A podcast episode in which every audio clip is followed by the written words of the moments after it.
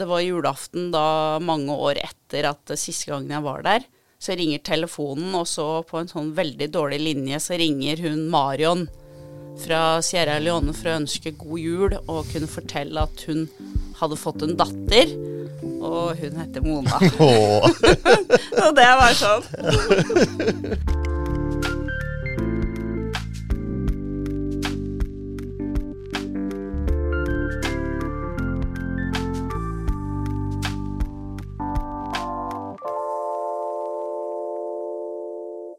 Velkommen til nok en episode av Fotopodden. I dag har vi fått besøk av Mona Norøy, en fotograf som har gjort nesten alt man kan gjøre. Hun har tatt portretter av berømte mennesker, reist verden rundt, dekket konfliktområder. Og nå er hun nesten klar med en kjempeutstilling på festningen i Kongsvinger. Så vi skal snakke litt både om hva hun har gjort, og hva hun skal gjøre. Velkommen til oss, Mona. Tusen takk, så hyggelig at jeg kunne få komme hit. Jeg skjønner du er ganske travel, så vi setter jo veldig stor pris på at du tok turen inn hit til Oslo. Ja. Kan vi begynne litt med bakgrunnen? Hvordan endte du opp som fotograf, f.eks.?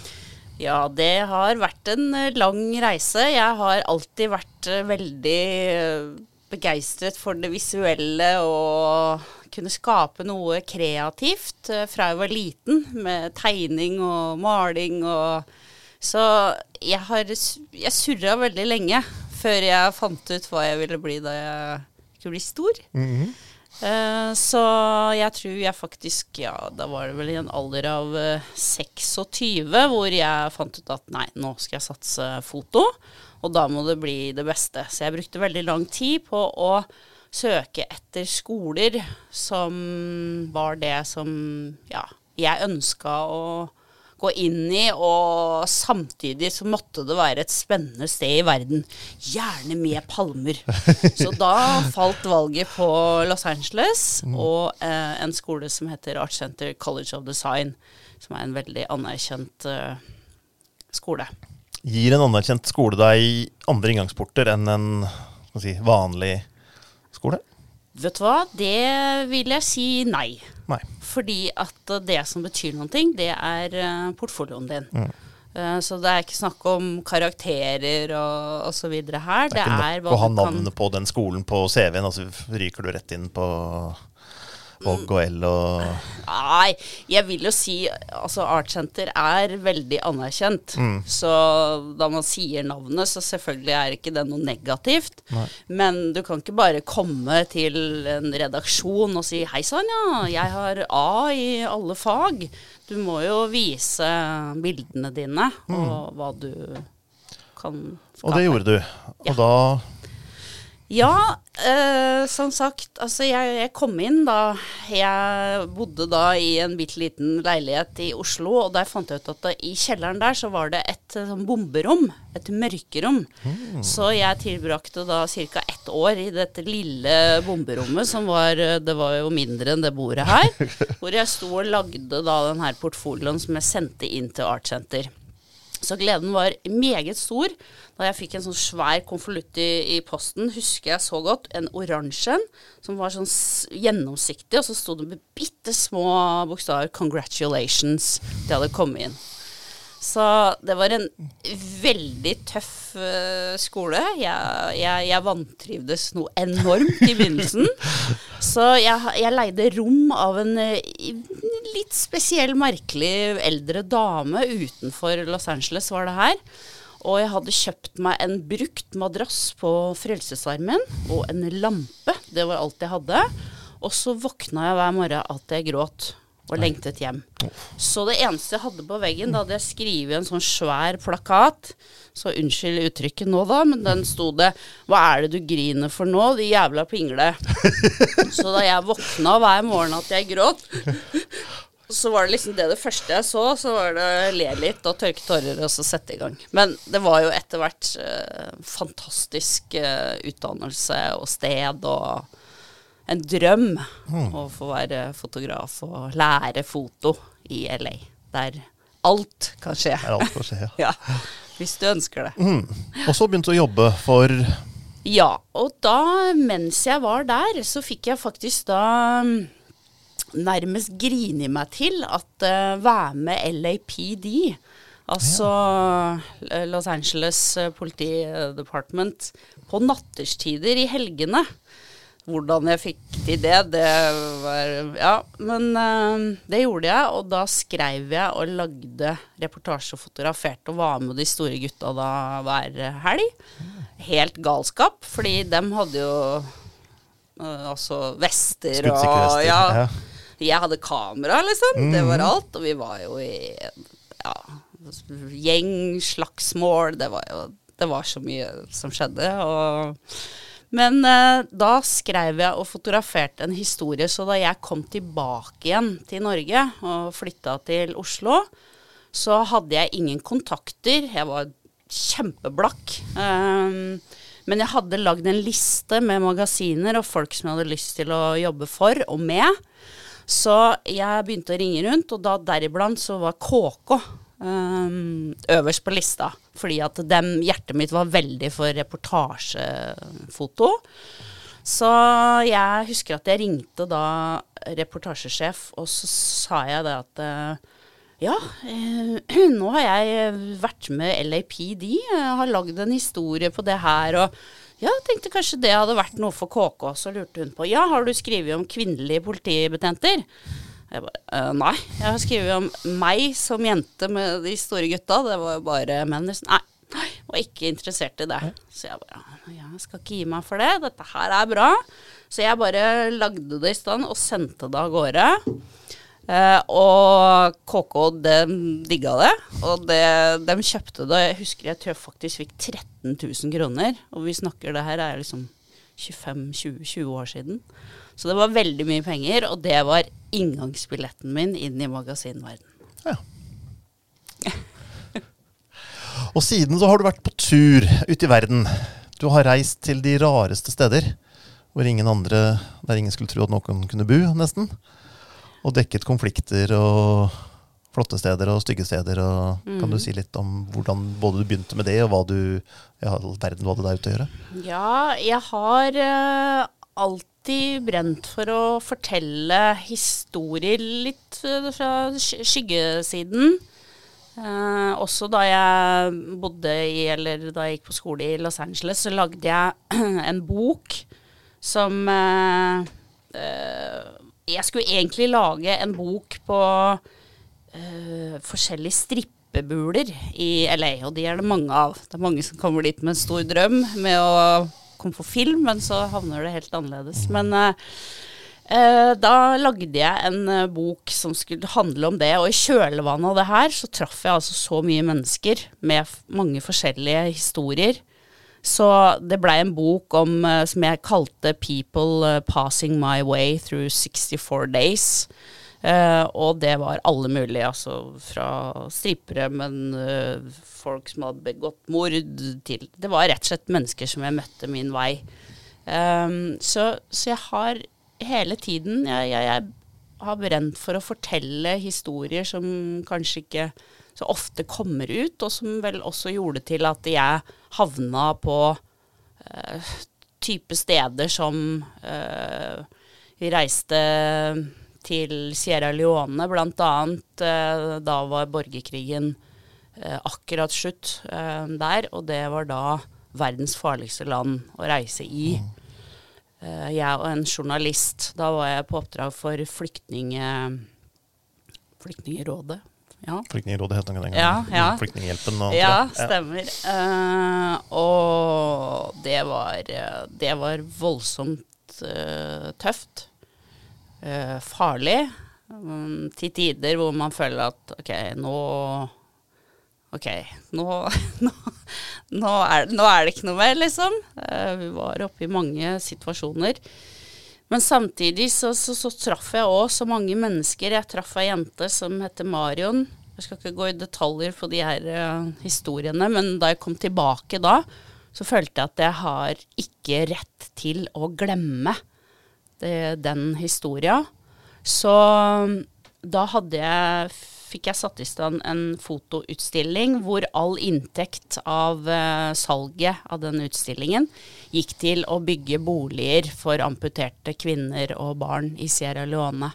Så jeg fikk da reise uh, tilbake noen år etter Oi. Og åpne de husene som blei bygd uh, for de pengene. Og det er kanskje noe av det største jeg har gjort som fotograf. Så helt fantastisk. Og jeg fant igjen videoopptak av det her nå bare forrige dagen som jeg ikke har sett. Så det var litt sånn friskt i minnet. Ja. Jeg sporer litt av, og det, det, Det er, ja. lov. det er lov. Bare det er eh, holdt på å si, showet er ditt, så vi vil høre hva du, hva du brenner for, og hva du har gjort, og hvordan Men- du har Men jeg blei jo også sendt ut fordi ettersom jeg da jobba da for KK, så dem var veldig store på det, og de lagde veldig gode eh, reportasjer. Eh, hvor jeg og en journalist vi ble bl.a. sendt ut til en øde øy utafor eh, altså Koh Samui i Thailand. Hvor vi skulle overleve på den øde øya i over en uke uten eh, Vi hadde med oss ferskvann en hund som skulle varsle for slanger, og så hadde jeg med mel. Så der blei vi stranda, og det var liksom Det var over en time med speedboat til eh, eh, det nærmeste fastland, da. Så det var jo helt galskap. Det var uh, giftige slanger og og det jeg skal love deg, det er ikke idyll å være på en øde øy. Selv om det bare var en uke, så blir du ganske sulten. Ja. Men- Og du var der helt alene? Du var ikke sammen med en interessant menneske? Altså, jeg var Sånn med vi- journalist. Jeg og en journalist. Det en journalist, ja. Men var det en interessant journalist? Vi drømmer alle om å være alene på en øde øy med en eller annen, et eller annet interessant menneske. Ja, det, det var det. Var, men vi var jo satt sammen. Jeg kjente ikke henne fra før av. Så det var jo Men eh, vi, vi funka bra som eh, Robinson, og jeg var Fredag. Ja, Ja. Så du måtte gjøre all jobben, da? ja. Ja. Når jeg ikke blir ferdig med ting til helga, så tenker jeg at uh, Only Robinson Crusoe had everything done by Friday. ja ikke sant.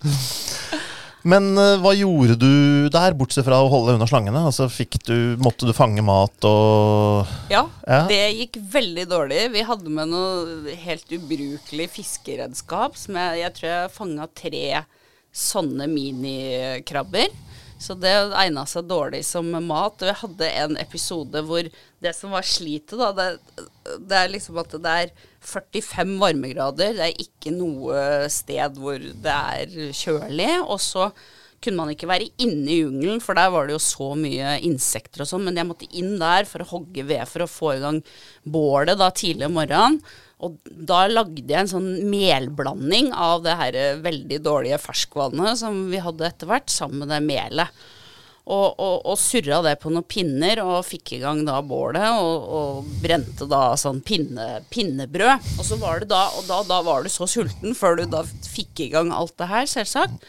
Så hadde vi den svære kjøteren som skulle varsle for eh, slanger, hvor jeg var litt eh, uoppmerksom der et sekund. Jeg hadde deigen min her og holdt på med dette her bålet, tørket svette, og skulle tilbake til deigen. Da var den borte.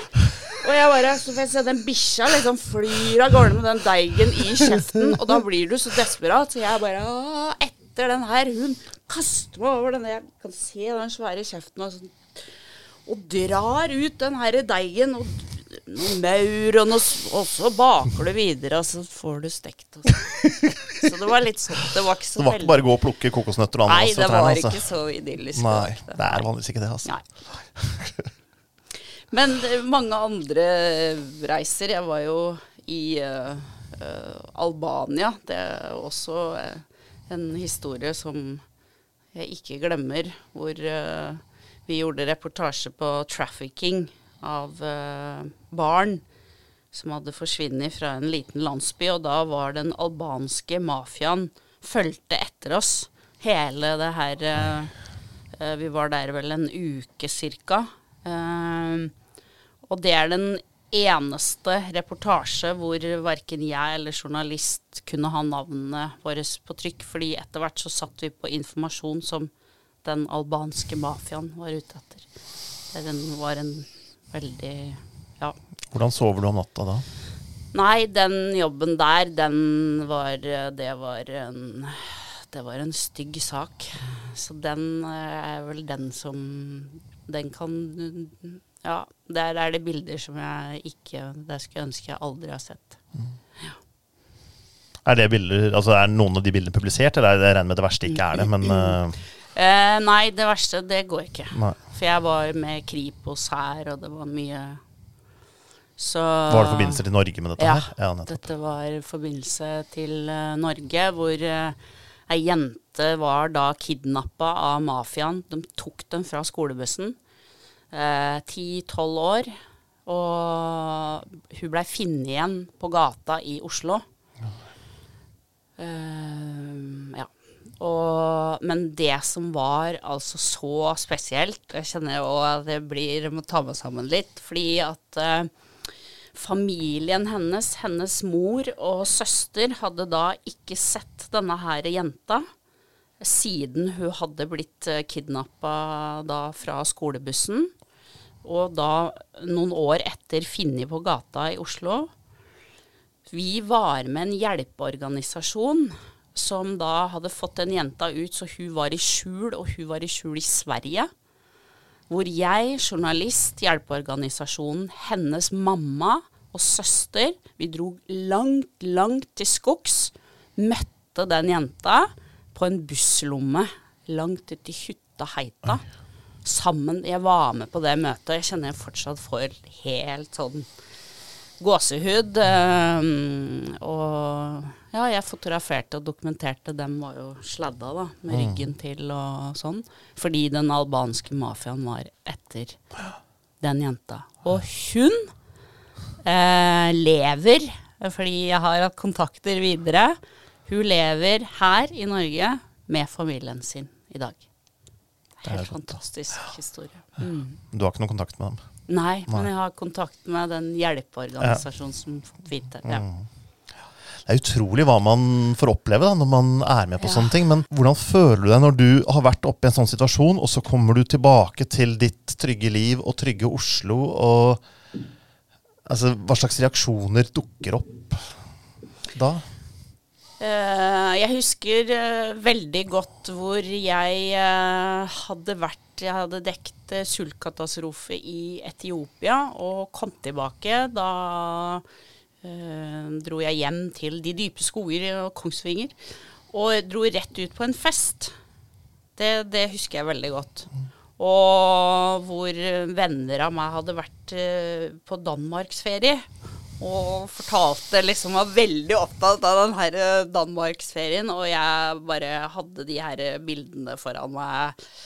Eh, så det er i hvert fall en, en sånn eh, setting som jeg husker veldig godt. Så jeg tenkte at hei, dette klarer jeg ikke. Jeg klarer ikke å sitte og høre på med alt alle de bildene som jeg da hadde. Men det å fotografere sånne type situasjoner hendelser, så har jeg Jeg bruker kamera som en beskyttelse.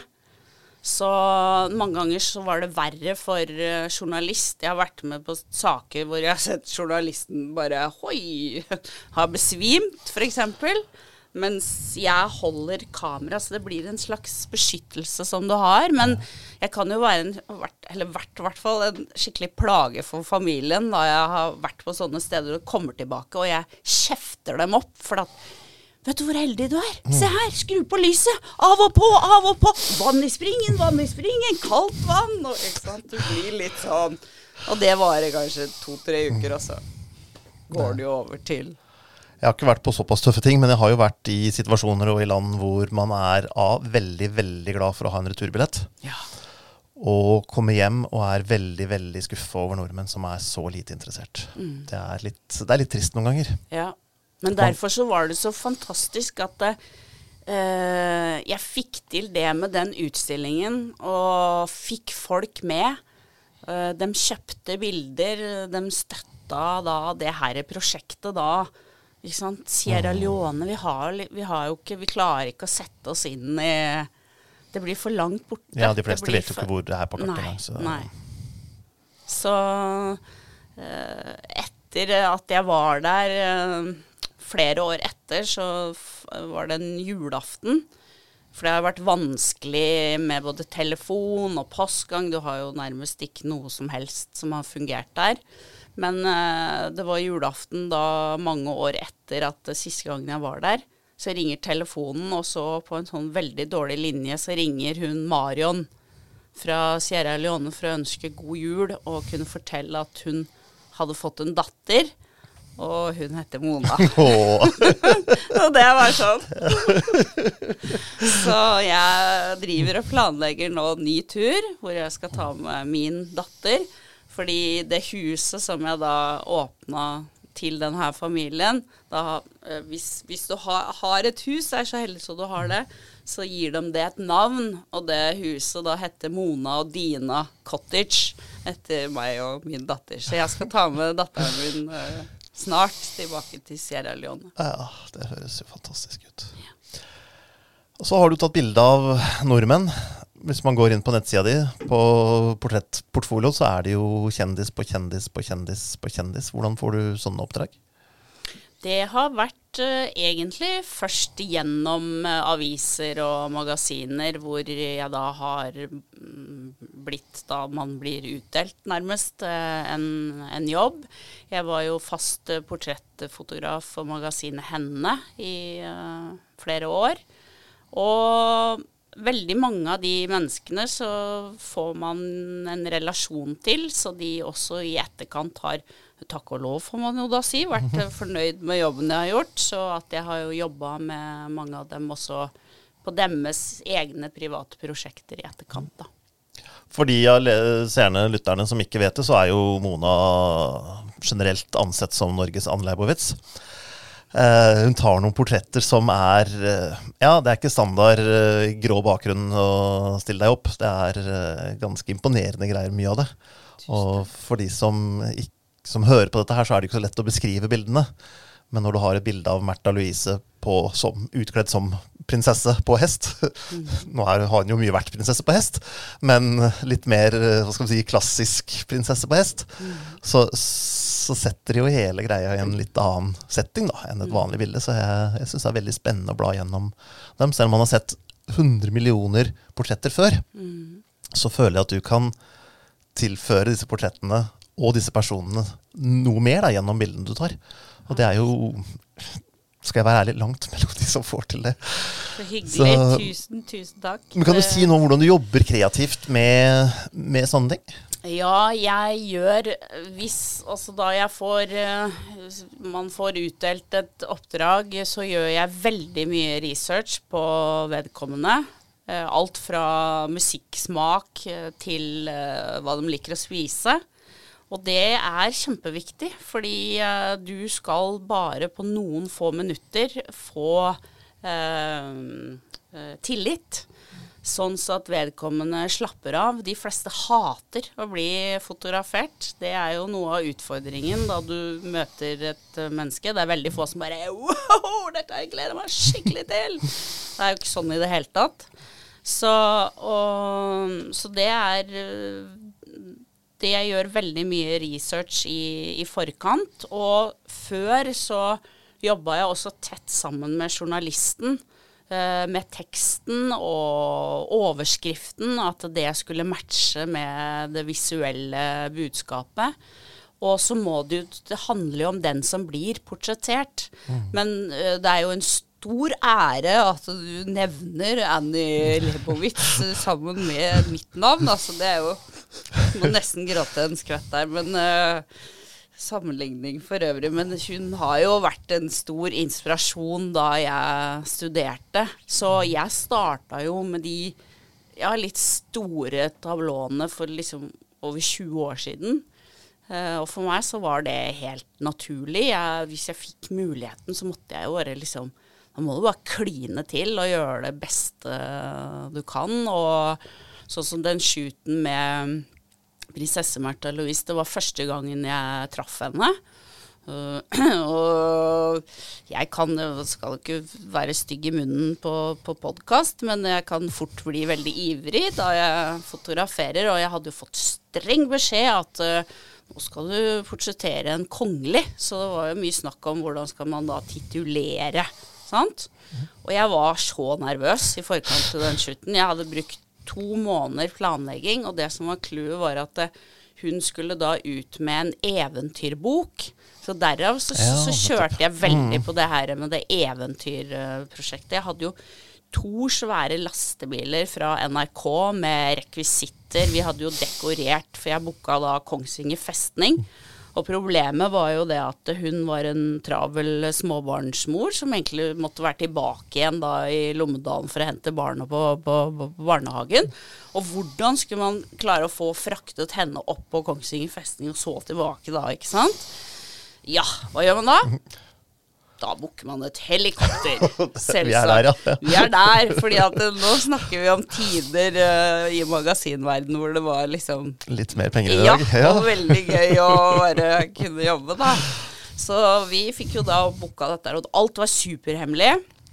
Ingen måtte vite noen ting. Vi hadde som sagt dekorert festningen med eføy og blomster, og jeg hadde blomsterdekoratør, som var min gode kusine, by the way, og lagde husker, og jeg hadde eh, Jeg tror jeg hadde 30 utstoppede dyr, alt fra rådyr til grevlinger og alt mulig stiltet. Fikk lånt av en litt merkelig fyr ute på Årnes. Altså masse, masse greier. Og jeg sto, husker jeg da var klokka fire-halv fem om morgenen, hvor jeg står og ser på utsikten da over eh, Kongsvinger festning og soloppgang. Så tenkte jeg at eh, ok, den dagen da, den, da hun skulle komme flyvende inn, så tenkte jeg at ok, hvis jeg driter meg ut nå, da kan jeg finne noe annet å holde på med. Ja. Og jeg klarte jo da, som sagt, å trampe godt i klaveret med en gang. Eh, fordi det var jo det med den tituleringen, da. Eh, og da jeg da har fått liksom stilt opp, for vi hadde veldig dårlig tid da, for hun skulle jo tilbake og hente i barnehagen og sånn. Og jeg hadde jo liksom tolv sånne sett rundt omkring på festningen, og deriblant steile på en hvit hest. Men så hadde jeg liksom fått satt henne der, og, og så hadde jeg gjort research. Jo, det gjorde jeg, ja. Det var veldig vanskelig å få finne musikksmaken hennes. For at jeg har masse musikk på sett, liksom, for å få dem til å slappe av og sånn. Så jeg hadde styret fælt med det, men jeg hadde skal ikke gå inn den lange historien om hvordan jeg klarte å fikse det, men jeg hadde fått tak i favorittmusikken. Så jeg får henne på plass. Så kliner jeg på Sting. Og så plutselig så får jeg se prinsessen bare Hun liksom står sånn og bare okay, venter på instrukser, og så setter hun på musikk, og hun bare! Was, was, at du ser at hun liksom står sånn og digger, og så sier jeg Oi, så bra musikksmak du har, Mona, sier prinsessen. Og jeg bare Tusen takk. Sier ikke noe mer om det. Men så skal jeg da begynne, og da måtte jeg si de, eller dem. Ja, kan de Ikke eh, Deres Kongelige Høyhet? Nei, nei, jeg fikk lov til å si de. Kan, men det var fra redaksjonen, da. ikke sant? Kan, kan dem Nei, kan de Nei, helvete! Nei, unnskyld! Faen, nei! Og det her blei jo bare ball med en gang, så det blei jo dø, dø!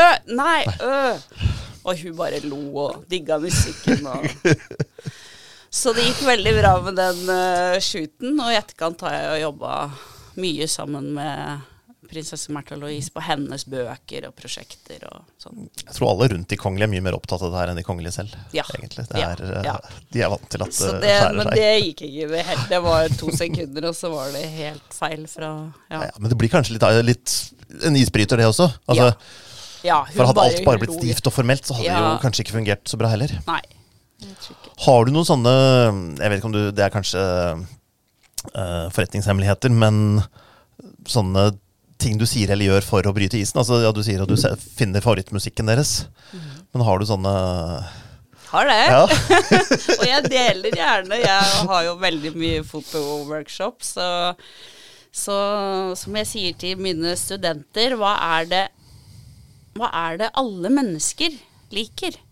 Uansett om du ligger i en rennestein, eller om du er kongelig, om du er statsminister, hvem du enn er, så er det at du blir sett, og så gi ros. Gi bare masse ros. Det er faktisk så enkelt som det. Det er, og noen ganger, vet du, så er det, det er liksom Hvis du skal gi et kompliment, kanskje det ikke er noen ting å gi. Altså 'Oi, så fin du er i tøyet'. Nei. Eller på håret. Eller Men jeg husker én en uteligger som i, Det var i Tijuana i Mexico. Et forferdelig sted. Eh, og han eh, rull, han rulla ned Jeg så at det, det her er et veldig bra bilde.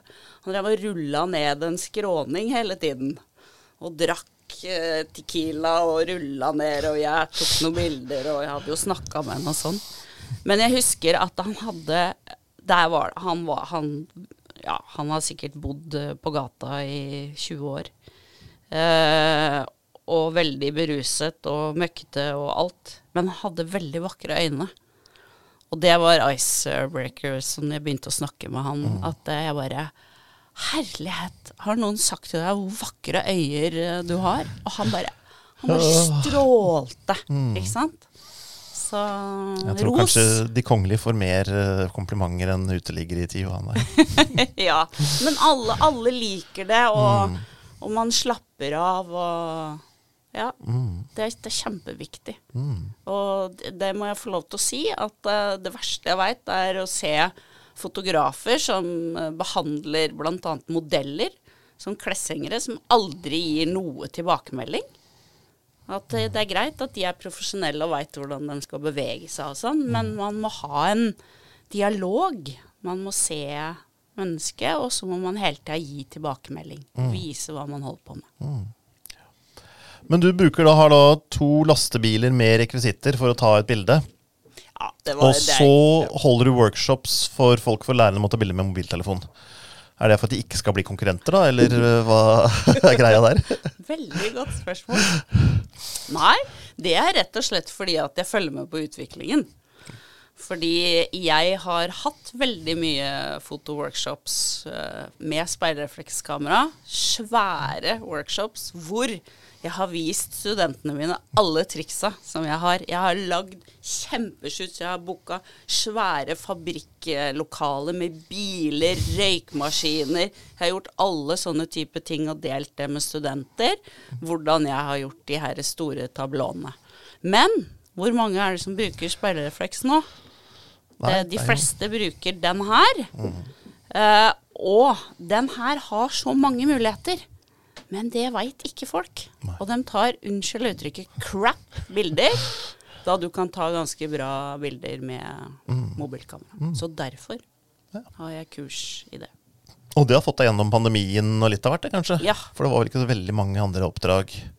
Nei, da Da? var det veldig vanskelig en stund. Og det som var litt vanskelig for meg, det var at jeg hadde live workshop hjemme, for jeg har fotostudio hjemme i huset mitt. Eh, Så jeg hadde da fullboka tre sånne workshop med masse studenter rett før da korona satte i gang. Og det var det liksom, da, da jobba vi tett sammen, og jeg styler hele huset mitt, så at de har masse ting, alt fra stilleben og mat og interiør og modeller osv. Det var bare kansler alt sammen. Da, men da var ikke tiden for å sitte og la meg eh, lure meg på uh, hva jeg skulle finne på nå. Så da la jeg om, og så gikk jeg online. Ja. Så det gjør jeg nå, og det har jeg akkurat lansert. Uh, hadde sist lansering nå, så nå har jeg 140 studenter i den gruppa mi. Så vi har en uh, lukket gruppe på Facebook, så i forrige uke så lå det Jeg tror det var eh, 460 spørsmål med bilder på én uke. Så jeg følger dem opp eh, tett, og det er helt fantastisk. Jeg syns det er veldig gøy. å, å lære bort uh, foto. For jeg, jeg, jeg kjente ingen da jeg kom tilbake fra LA. Jeg, jeg syns det var uh, veldig vanskelig. Jeg har brukt lang tid på å lære meg foto. Du blir aldri utlært i det- i det her. Men jeg lovte meg sjøl at eh, hvis jeg klarer å leve som, av å være fotograf, så skal jeg dele kunnskap. Det har vært viktig. Er det noen av disse mobiltelefonstudentene dine som har eh, si, droppa mobiltelefonen og gått videre og blitt fotografer? Eh, ja, det er eh, fra de som da jeg hadde kurs for speilrefleks, Ja. så har jeg annet én person som gjør det veldig bra nå. Hun uh, gikk på to eller tre av mine kurs, og blei etter hvert min assistent. Oh, ja. Og gjør det veldig bra. Ja. Ja. Mai Hege Paulsen. Akkurat. Så hyggelig. Ja. Vi fikk en e-post fra deg for en stund siden, hvor du fortalte en historie om noen i USA som ville kjøpe bilder av deg, og det ene førte til det andre, bortsett fra utstilling i USA. Men eh, kan du fortelle den historien til lytterne våre? Ja, det starta Det er noen år siden. Det var i 2008. Så får jeg Da blir jeg kontakta av en kunstsamler i Los Angeles som hadde sett bildene mine på sosiale medier eh, via Facebook eh, den gangen. Og ville veldig gjerne kjøpe bilder. Jeg bare Yeah, right, liksom. Da show me the money. så, men eh, han begynte å sende meg masse penger. Så hyggelig, da. Ja, veldig hyggelig for noe som helst. For jeg er liksom ok, det er greit, det koster så så mye. Ja, da var det gjort. Da var sendt penger. Så han kjøpte veldig mange av mine bilder. Og etter hvert så Vi hadde mye eh, kontakt på telefon og sånn, og etter hvert så ville han at jeg skulle ha en utstilling i Los Angeles. Og han skulle finansiere alt sammen. Det å få en sånn forespørsel eh, som fotograf, det er som at eh, Hamar eh, ringer og sier 'Hei sann, Mona. Nå har du vunnet ti millioner i Lotto'. Eh, det her Jeg, jeg, jeg prata jo masse med han. Og liksom OK, hva er det du ser for deg? Hva, hva kunne liksom være relevant for en utstilling der? Og han bare Nei, det, det må være noe som står hjertet ditt nær. Og hele tiden mens jeg har hatt de her fotoworkshopene, så, så har jeg alltid sagt til studentene mine at utfordre deg sjøl. Prøv å skape bilder med en stoppeffekt av nærmiljøet ditt av steder som du kanskje passerer fire-fem ganger om dagen. Prøv å lage spektakulære bilder av det. Det er utfordrende. Det er greit å reise til Thailand og Afrika og ta bilder som wow, da blir du imponert, ikke sant? Men prøv å ta liksom rett utafor døra di der du går inn til jobb, eller Det har jeg hele tiden eh, snakket varmt om, så jeg tenkte at da skal jeg utfordre meg sjøl med det. Så jeg eh, begynte da å eh, Lagde masse ideer på hvordan jeg ville at det her skulle se ut. Jeg fikk samla et dream team, som jeg kaller det. Det var helt utrolig. Eh, jeg fikk eh, med meg bl.a. designer Annelise Tollefsen, som gjorde kostymene til den shooten med prinsesse Märtha Louise på hesten. Jeg kjente jeg hadde ikke møtt henne, ingenting. Jeg ringte og sa jeg elsker designet ditt. Jeg har et prosjekt hvor jeg skal lage noen kunstbilder som kanskje blir en fotoutstilling. Har du lyst til å være med? Hun bor i Bergen, setter seg på første fly, kommer. Jeg fikk samla masse kreative mennesker. Hvor vi jobba sammen i Kongsvinger. Alle lå hos meg, og modeller og alt mulig. Stylister, og vi var sikkert et team på 20-25 mennesker. Og jeg fikk også med meg ja, Jeg kan komme tilbake til det. Men vi, vi jobba da i fire dager eh, i Kongsvinger på forskjellige locations som betyr mye for meg. Um, og jeg fikk med meg uh, skuespiller Dennis Storøy, som, som jeg hadde jobba med ved flere anledninger. Han så jeg for meg som en av liksom, hovedrollekarakterene i flere av de her tablåene. Så bildene ble en slags reise av fantasier og drømmer og minner om hvordan det er å vokse opp i en liten by som du egentlig bare lengter eh, vekk ifra, men som da du kommer ut i den store verden lengter tilbake til.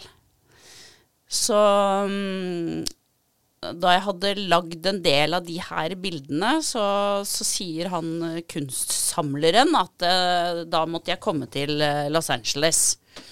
Så jeg og assistenten min reiser av gårde. Jeg pakka de her bildene i kofferten.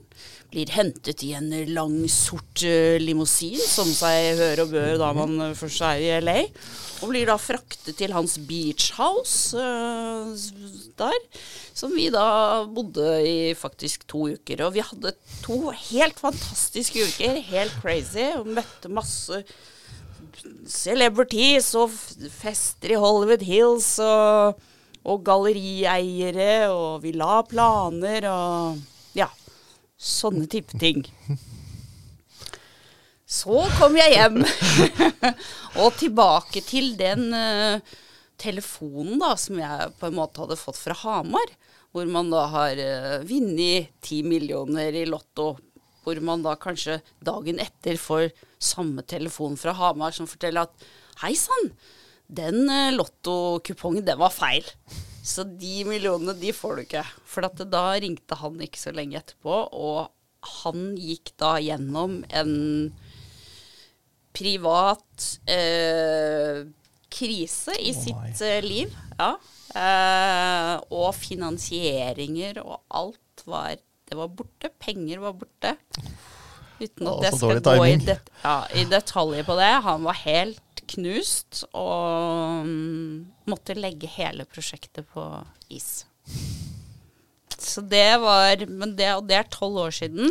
Men jeg fortsatte. Så jeg har hele tiden fortsatt på det prosjektet. Ja. Og så nå for to år siden, så min far har alltid vært en, en støttespiller i alle mine krumspring. Han har snekra kulisser, og jeg har sagt 'oi, pappa, nå trenger jeg noe' Jeg husker jeg skulle faktisk nesten sette fyr på Runar Søgaard eh, en gang.